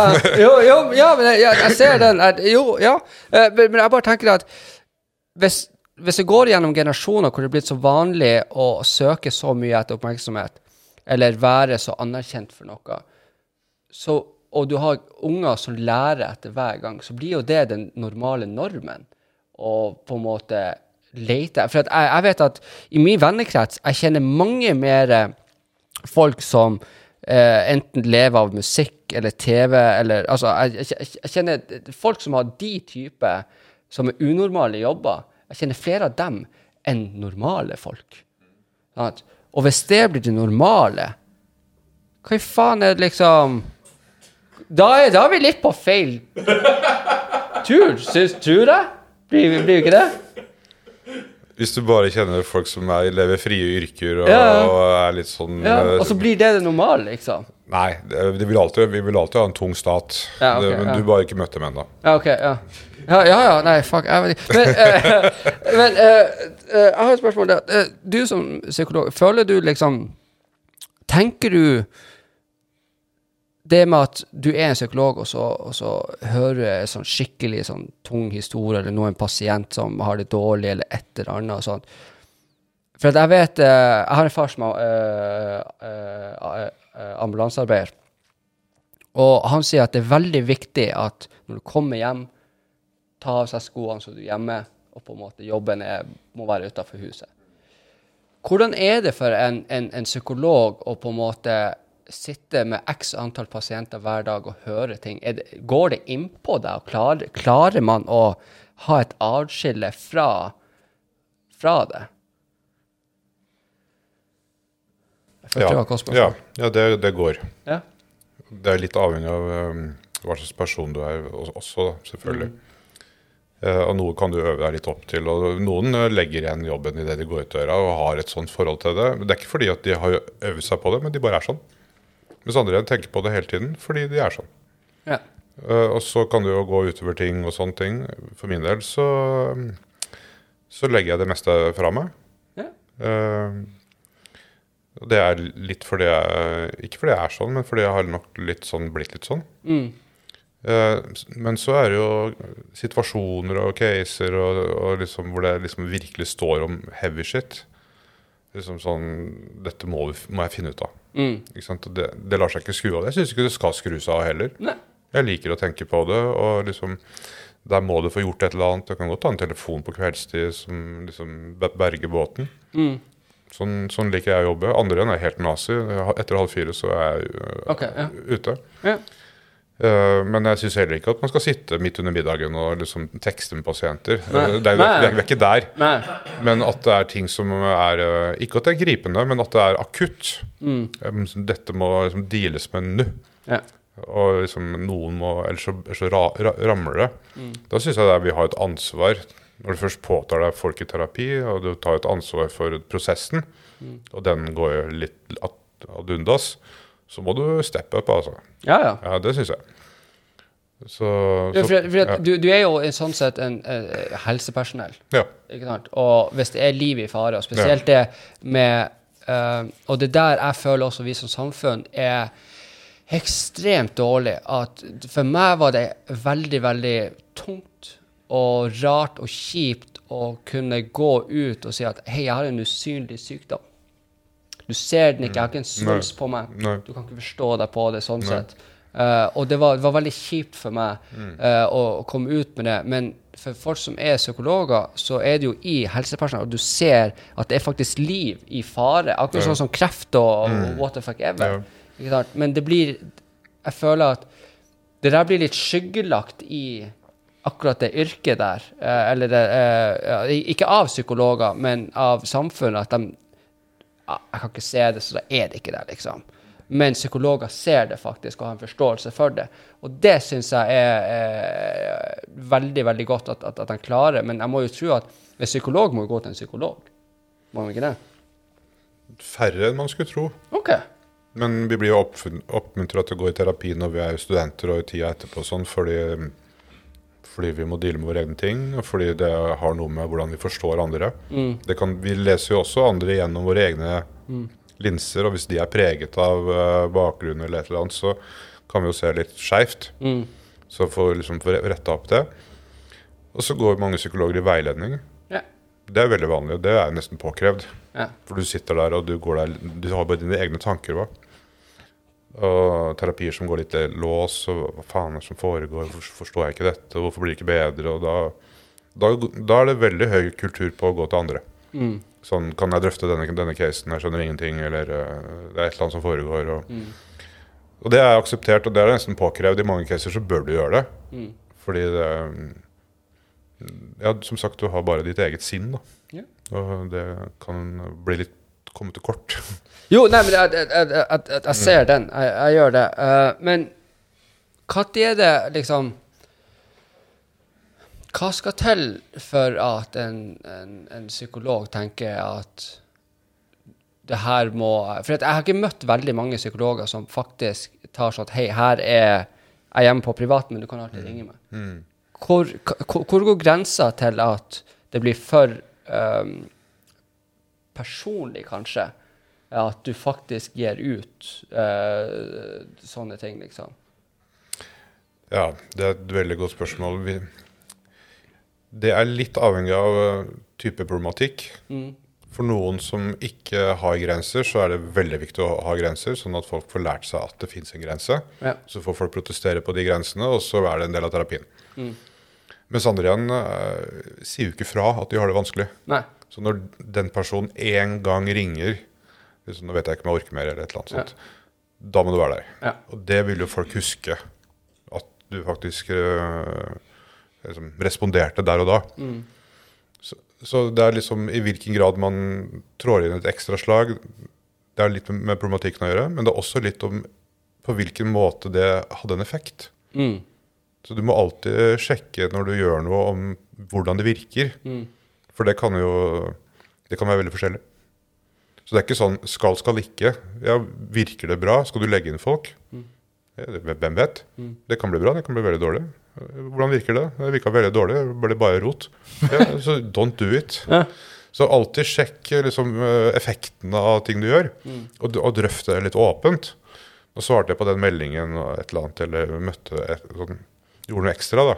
Hvordan det var. Ja, det, var- jeg trodde aldri noen ville bry seg om meg. Nei. Så det betydde masse for meg. Og etter, etter det ville du ikke høre noe fra folk. Ja, da hadde det en god effekt.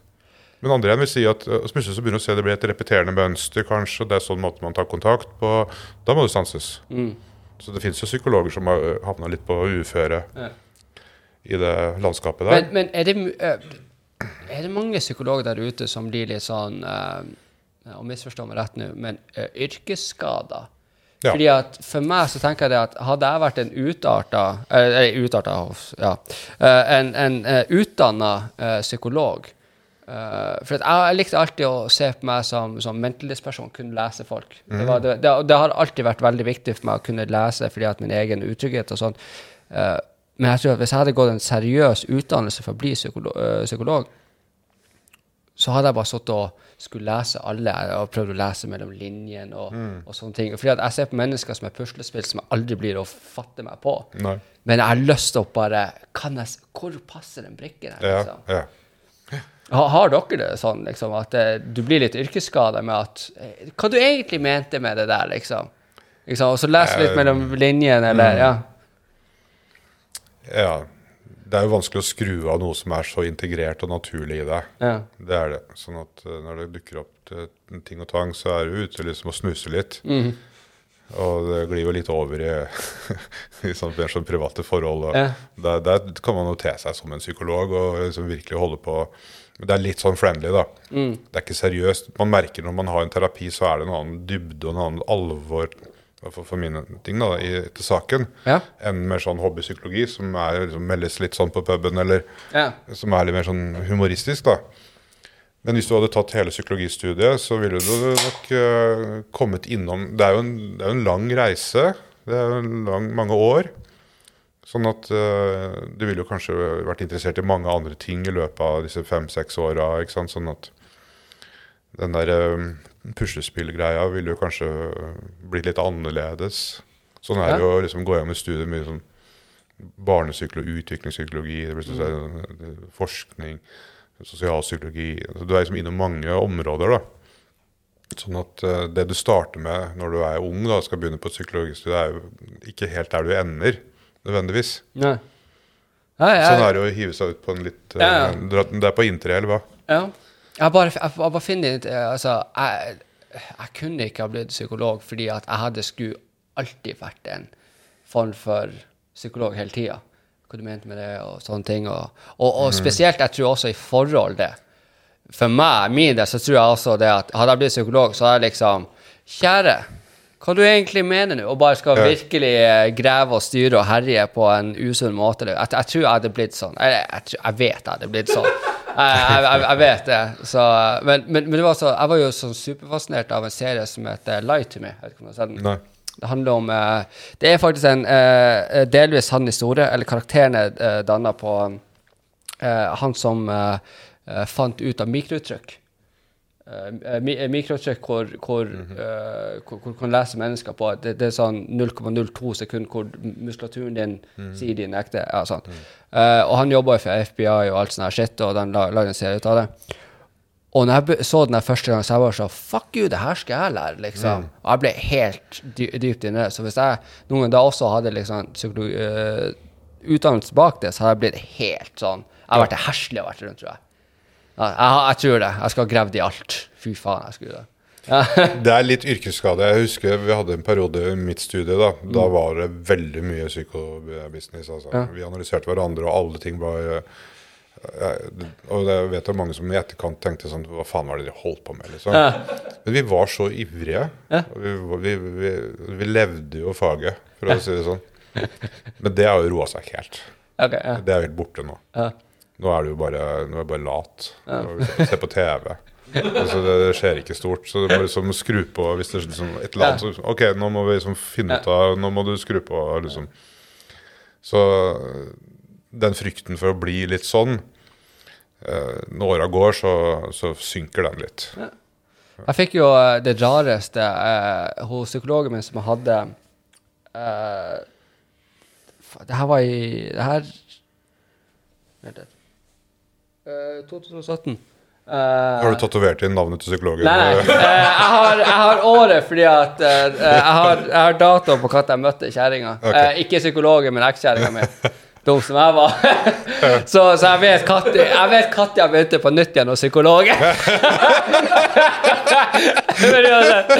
Eh, og, og, det, og det var på Åsgårda. Uh, og så, og så prata vi med psykolog, og da fikk jeg sånn uhyrlig jeg vet, jeg vet- enda til dag i dag eh, Jeg vet ikke helt om det var uprofesjonelt eller veldig profesjonelt av henne. Men hun ville at jeg skulle uh, På slutten av timen, og jeg har gått hos henne en stund, så sa hun at hei, kan ikke du ha uh, foredrag, for jeg, jeg jobber litt med foredrag, da. Kan ikke du ha foredrag for psykologstudenter i Tromsø? Det var veldig rart av min psykolog, eller at hun spurte, og jeg spurte om det, og sier at men du, du forklarer dine plager så utrolig godt at det er godt for psykologstudenter å høre. Ja. Men jeg, visste, jeg, jeg vet ikke om det var uprofesjonelt av henne, eller om det var profesjonelt, eller sånn, men det var veldig sånn rar ting. Og da spesielt også, litt, litt sånn som nå, veldig redd for å si feile ting. Fordi at det her er godt utdanna mennesker, liksom, og, men hva du føler, er jo dine Du kan ikke si feil, for at Nei, du vet hva du føler. liksom. Så lenge du går etter det, så blir det riktig. Men det var veldig skremmende å på en måte gjøre. Det var det. Ja. Den er, eh, den er på grensa, men den er, den er innafor sånn som jeg Sånn som jeg tenker sånn spontant. da, Ja. Å spørre en pasient om at du har jo veldig tilgang på veldig mye bra, bra ting, og du er god til å formulere deg. Kunne du tenke deg å stille opp for noen psykologstudenter Ja. som er liksom i læringsprosess? Eh, det, for meg kunne det vært innafor. Selv om det toucher liksom grensen for hva man skal be folk om. Ja. Du er der av helt andre grunner enn å stille opp i en rolle. og Det kanskje endrer forholdet ditt til henne litt, eh, på en måte. Eller ja, litt avhengig av hva som er problemet, da. det, det, det, artige artig med, med, med psykologer. Det er jo egentlig sånn Det er jo som å date noen. Uh, jo, men jeg ser på det. Jeg forklarte det her til hun, dama her, her i Oslo. Jeg, jeg kan ikke ha mannlige psykologer fordi at jeg har ekstreme problemer med, med liksom mannfolk. Autoriteter. Ja, Ja. ekstremt. Helt, og det vet du Han har sett det veldig godt. Men um, uh, Og ehm, Hva var det jeg sa? Hvor var det jeg gikk? Ja, det var uh, Date. med å ha mannlige Ja. Nei, det var, det var som en date. Ja, ja date, ja. Eh, og så sier jeg det at eh, det å finne den riktige psykologen er som å date. Det, liksom, du må finne noen du f føler at du får en viss forståelse for, eller av, ikke sant? Og dere kan på en måte eh, ta den sprettballen og kaste den litt tilbake til hverandre. Uh, og jeg har funnet det vanskelig å, å finne den riktige ganske lenge, fordi at du, det er vanskelig å gå inn og bare 'Her er livet mitt, det her føler jeg', liksom. Det er litt som å date. At, Hei, vi, vi er en god match, vi kan prate. Og jeg hører faktisk, jeg respekterer de ordene du sier. At det må jo være mye sånn, spesielt for da en psykolog også, at du må jo møte mye rart hvor du bare sånn Nei, det her, her følte ikke jeg en hel connection. Kan man da si ifra, liksom at Nei, jeg kan ikke ta deg som pasient, for jeg og du er ikke på samme bølgelengde. For at på slutten av dagen så jo, det er en jobb, men det er også at du driver på med personer. Ikke sant? Date i betydningen kjemi, da. Ja. Ikke sant? Fordi Ja. Ja, kjemi eh, i sånn vid forstand har jo, har mye å si. Eh, hva du Hva som er din kjemi, og om det er den du egentlig skal ha, osv. Det er vel litt sånn komplikert. Mm. Sånn, han skjønner akkurat hva jeg mener og sånn. Eh, Det kan jo være en form for kjemi, men en, en dyp respekt for en eh, tilstedeværelse det kan jo også være en grunn til å fortsette. Mm.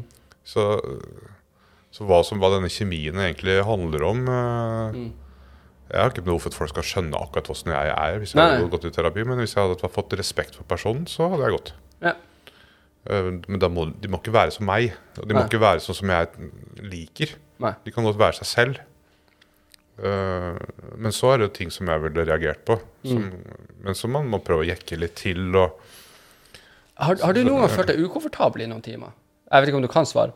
svare Jo, på det. det kan jeg svare på. Eh, utgangspunktet mitt er at jeg liker, jeg liker folk. Eh, jeg liker stort sett de aller fleste. Jeg finner nesten alltid noe bra å like ved folk. Så det er jo et eh, bra sted å starte, da. Absolutt. Og så er det folk som har med trøblete sider og, og sånn av forskjellige slag. Og Nei, jeg, jeg tar, meg ikke så, tar meg ikke så nær av folks vanskelige sider. Nei. Nei, Men eh, om, om du har følt deg liksom ukomfortabel eller ja. utrygg eller sånne ting, hvor du liksom Nesten du sitter og trykker på den røde knappen om det hadde, dere hadde hatt Ja, liksom. ja jeg, I studietida så jobba jeg på Vinneren, på akutten der. Mm. Da, på lukka og sånn, og, og der var det mye farlige folk. Og Mm. da var jeg, ble jeg jeg skulle kanskje være litt tøff og sånn, men jeg var jo livredd. Ja. Og så det Folk som er for aggressive, det, da blir jeg bare for redd. ja. Klarer ikke å tenke, klarer ikke å bli noen bra terapeut. Det blir bare, bare ja du, du sitter liksom litt på sånn Ja. og vet ikke Ja, helt. så det er altså folk som er vanvittig rasende og som er utagerende, da. Ja. Det, det er ikke det, da er ikke, det er ikke jeg det er, ikke- er ikke jeg mannen for dem. Nei, for jeg har følt sånn at hvor, hvor jeg hadde liksom venner, eller da også på Åsgård, hvor, hvor jeg sitter og har en dialog med noen, men jeg ser at de er så psykotiske. Og etter det så har det på en måte skapa en vanskelig Så jeg klarer ikke å være rundt som har tatt uh, Om folk har røyka weed, så driter jeg i det. Men hvis du har gått steget over der, så får jeg en sånn utrygg et eller annet følelse i meg hvor jeg ikke vet hvor jeg har dem. Og Ja. det har jeg da fra sånne folk at hvis, hvis noen sier at de enten er schizofren eller sånne ting I mitt hode så har jeg vært så forhåndsdømmende. Det er min egen feil, da. Hvor jeg blir så redd av den diagnosen eller uh, det mindseten de er i, at jeg blir så skeptisk at jeg sjøl får ganske panikk ut av det. Fordi at jeg vet ikke helt hvor jeg har det. Og hvis jeg skulle ha vært psykolog, så hadde det vært en ekstremt vanskelig barriere å komme over, fordi at jeg vet ikke helt hvor du er nå. Nei. Så jeg blir så utrygg da, på, på alt, liksom. Ja. Men det har jo litt med at eh, psykologer er jo folk som eh, som ikke skal jobbe med alt. Nei. Jeg tror det, har, det sitter ganske dypt. Hva du er komfortabel med, hva du syns du kjenner igjen, hva du skjønner noe av. Noen, noen stortrives med folk som er psykotiske og schizofrene. Altså det, de er helt rolige, og dette her er litt hjemmebane. Og, og mens andre igjen blir helt bare Aner ikke hva jeg skal si. Ja. Har ikke, har ikke noe å melde. Folk melder om ganske psykotiske symptomer, og de sier ja, det høres jo ikke bra ut, og that's it. Ja. Å ja, du ser en Ja, det elefant, det, ja! Det, det er så vilt at du må på en måte være Du må på en måte på en måte skjønne litt hva folk snakker om. Ja. Akkurat samme hvis du har andre typer personligheter da, som snakker om hva som betyr mye for dem. Hvis du har antisosiale folk som lever på kanten av loven og sånn. Ja. Hvis, hvis du selv bor på Vinneren på Bestum og aldri møtt eh, liksom, sånn, Du er opptatt av hagearbeid, og så sitter det en fyr som har liksom, knust en åtte-ti karer siste uka, og du liksom eh, Såpass? Eller så, altså, sånn, da, må du, da må du kjenne tendensen til litt sånn Litt vold og litt raseri sjøl. Ja. Liksom, ja, du har knust åtte kneskåler siste uka. Ok, ja, ja greit. Eh, Fortsett. Men OK, så du har knust det, men gidd å hente molla mi så jeg kan få planta resten av plantene? Du må, ja, det. For, for jeg var jo, jeg var jo langtidspsykotisk i seks måneder. Og etter det så har det blitt min sånn helseangst, traume, whatever. at, og jeg sitter og overanalyserer alle tankene mine hvert sekund av dagen. Hei, hvorfor så dere sånn? Hvorfor, sånn som i, i stad, så skulle han sjekke noe med kamera, så fikk jeg et rødt lys. Jeg bare, det var ikke, det var ikke i hodet mitt, det der. Liksom. Jeg må- Jeg må ha den sånn. Så med en gang jeg vet, eller noen har tatt noe, eller noen har visse diagnoser, så jeg har vært der sjøl, liksom. Ja. Så jeg får den skikkelig angsten ut av det, liksom. Ja. Og ja. Ja, Så du bør omgås mer normale folk, da, som, eh, hvor det, det ikke blir, blir noe fest der. Ja. Da vil du bli, st Ja, ja. bli styrka i deg sjøl. Jo flere du har rundt deg som har et eller annet gående, så blir Ja, det bare rot. Ja, det blir, det blir helt sånn rart. Og det, det, det, det blir sånn Ja, så jeg tror ikke jeg egentlig kunne ha blitt en Jeg kunne sikkert blitt for babyer. Altså unger på barneskolen, what the fuck ever. Kunne jeg klart det fint. Men liksom voksne folk som Jeg blir litt sånn Hm, bør jeg ringe politiet nå? Der er det liksom Der tror jeg det kjempa litt med meg sjøl, altså. Ja. Det tror jeg. Men det er jo et utrolig fascinerende yrke, og jeg synes jo det er jo stor respekt til alle dere som faktisk gidder å gå den veien. Det blir jo samme med ambulansearbeidere og alt sånt. ja. Det, det er det. Så, øh, det. Og det er Jeg tror det er egentlig i mitt hode nå å være psykolog, spesielt i de to siste årene, er noe av det viktigste arbeidet som er. Ikke fordi at liksom eh, Selvfølgelig de som er på sykehus og alt sånt her med koronafolk, utrolig viktig. Men å bevare samfunnet og samfunnssyken er utrolig viktig. Eh, og det som gjør meg litt glad med at alle sliter litt nå, er det at etter det her så kan vi alle ha litt mer em, forståelse neste gang en kompis, venninne eller what the fuck ever, mm. kommer liksom, og sier det. Så der syns jeg dere gjør et utrolig bra eh, arbeid, da. Det, det gjør jeg, og det må jeg bare få lov til å si takk og skåle for. Så det er jo Det har jo litt med samfunnet å gjøre, og, og eh, de som styrer samfunnet, eh, ledelsen av en kultur eh, Det har enormt å si. Storgruppa Norge, for å bruke sånne ting. De som sitter på toppen og som på en måte legger premissene. Stoltenberg 22.07. Nå har du en ny gjeng som loser folk gjennom dette her. Eh, det er jo kjempeviktig. Ja. Det er jo, de legger jo til rette og prøver å få folk til å for, liksom, holde ut og forstå. Så ledelsen i et land har jo enormt mye å si. Og så kommer jo alle andre som prøver å holde ting gående. Og, så eh, snarere den gjengen, eh, spør du meg. Ja. Nei, men jeg må bare si Og du må også bare si at uh, tusen hjertelig takk for at du gadd å komme inn. Og jeg har faktisk mm. Hva, hva skulle du si?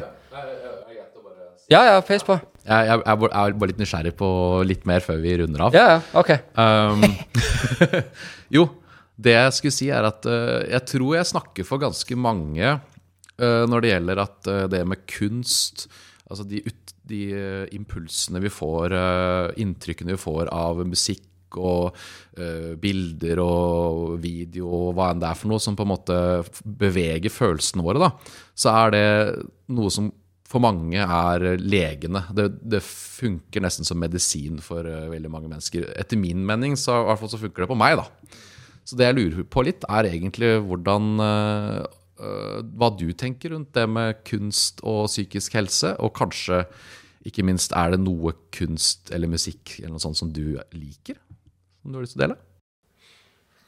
Ja, hele kunst-kulturfeltet har jo stor betydning for mange. Og, eh, og det kan jo være en gjenkjennelse. Det kan være tusen ting som gjør at man holder ut, eller gjenkjenner noe som gjør at eh, liksom, eh, selve bærer.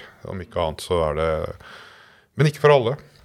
Eh, Da er det andre ting som eh, Så sånn er det jo. Men eh, og så spørs det på hvilken måte det er meningen at det skal kunne virke. da.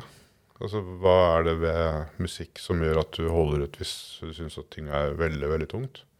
Ja, for Hvis du hører på ting som drar deg lenger ned, så er det jo kanskje ikke nødvendigvis eh, helsebringende for alle. Nei, noen sier jo det. At det å høre på trist musikk når jeg er trist, eh, føles godt. For da er det liksom Det er noe som resonnerer med sånn som jeg har det. da Om det er metal eller, eh, eller mer sånn Du får kanskje litt mer, altså i hvert fall personlig da, Min følelse ja. er at jeg får mer kontakt med de følelsene som, som jeg kjenner litt av. Og de, de kommer mer igjennom, og derfor så blir jeg på en måte litt mer ferdig med følelsene kanskje etter at jeg har uh, hørt den sangen eller Ja. sett den filmen eller hva det enn skulle være. da Ja.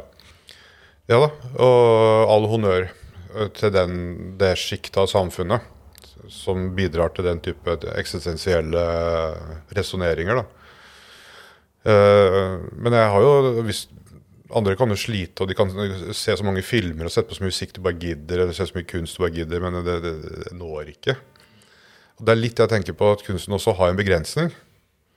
Eh, hvor det med et, et, et møte Ja, Det Altså ha, er vanskelig å stille diagnoser også med en sang.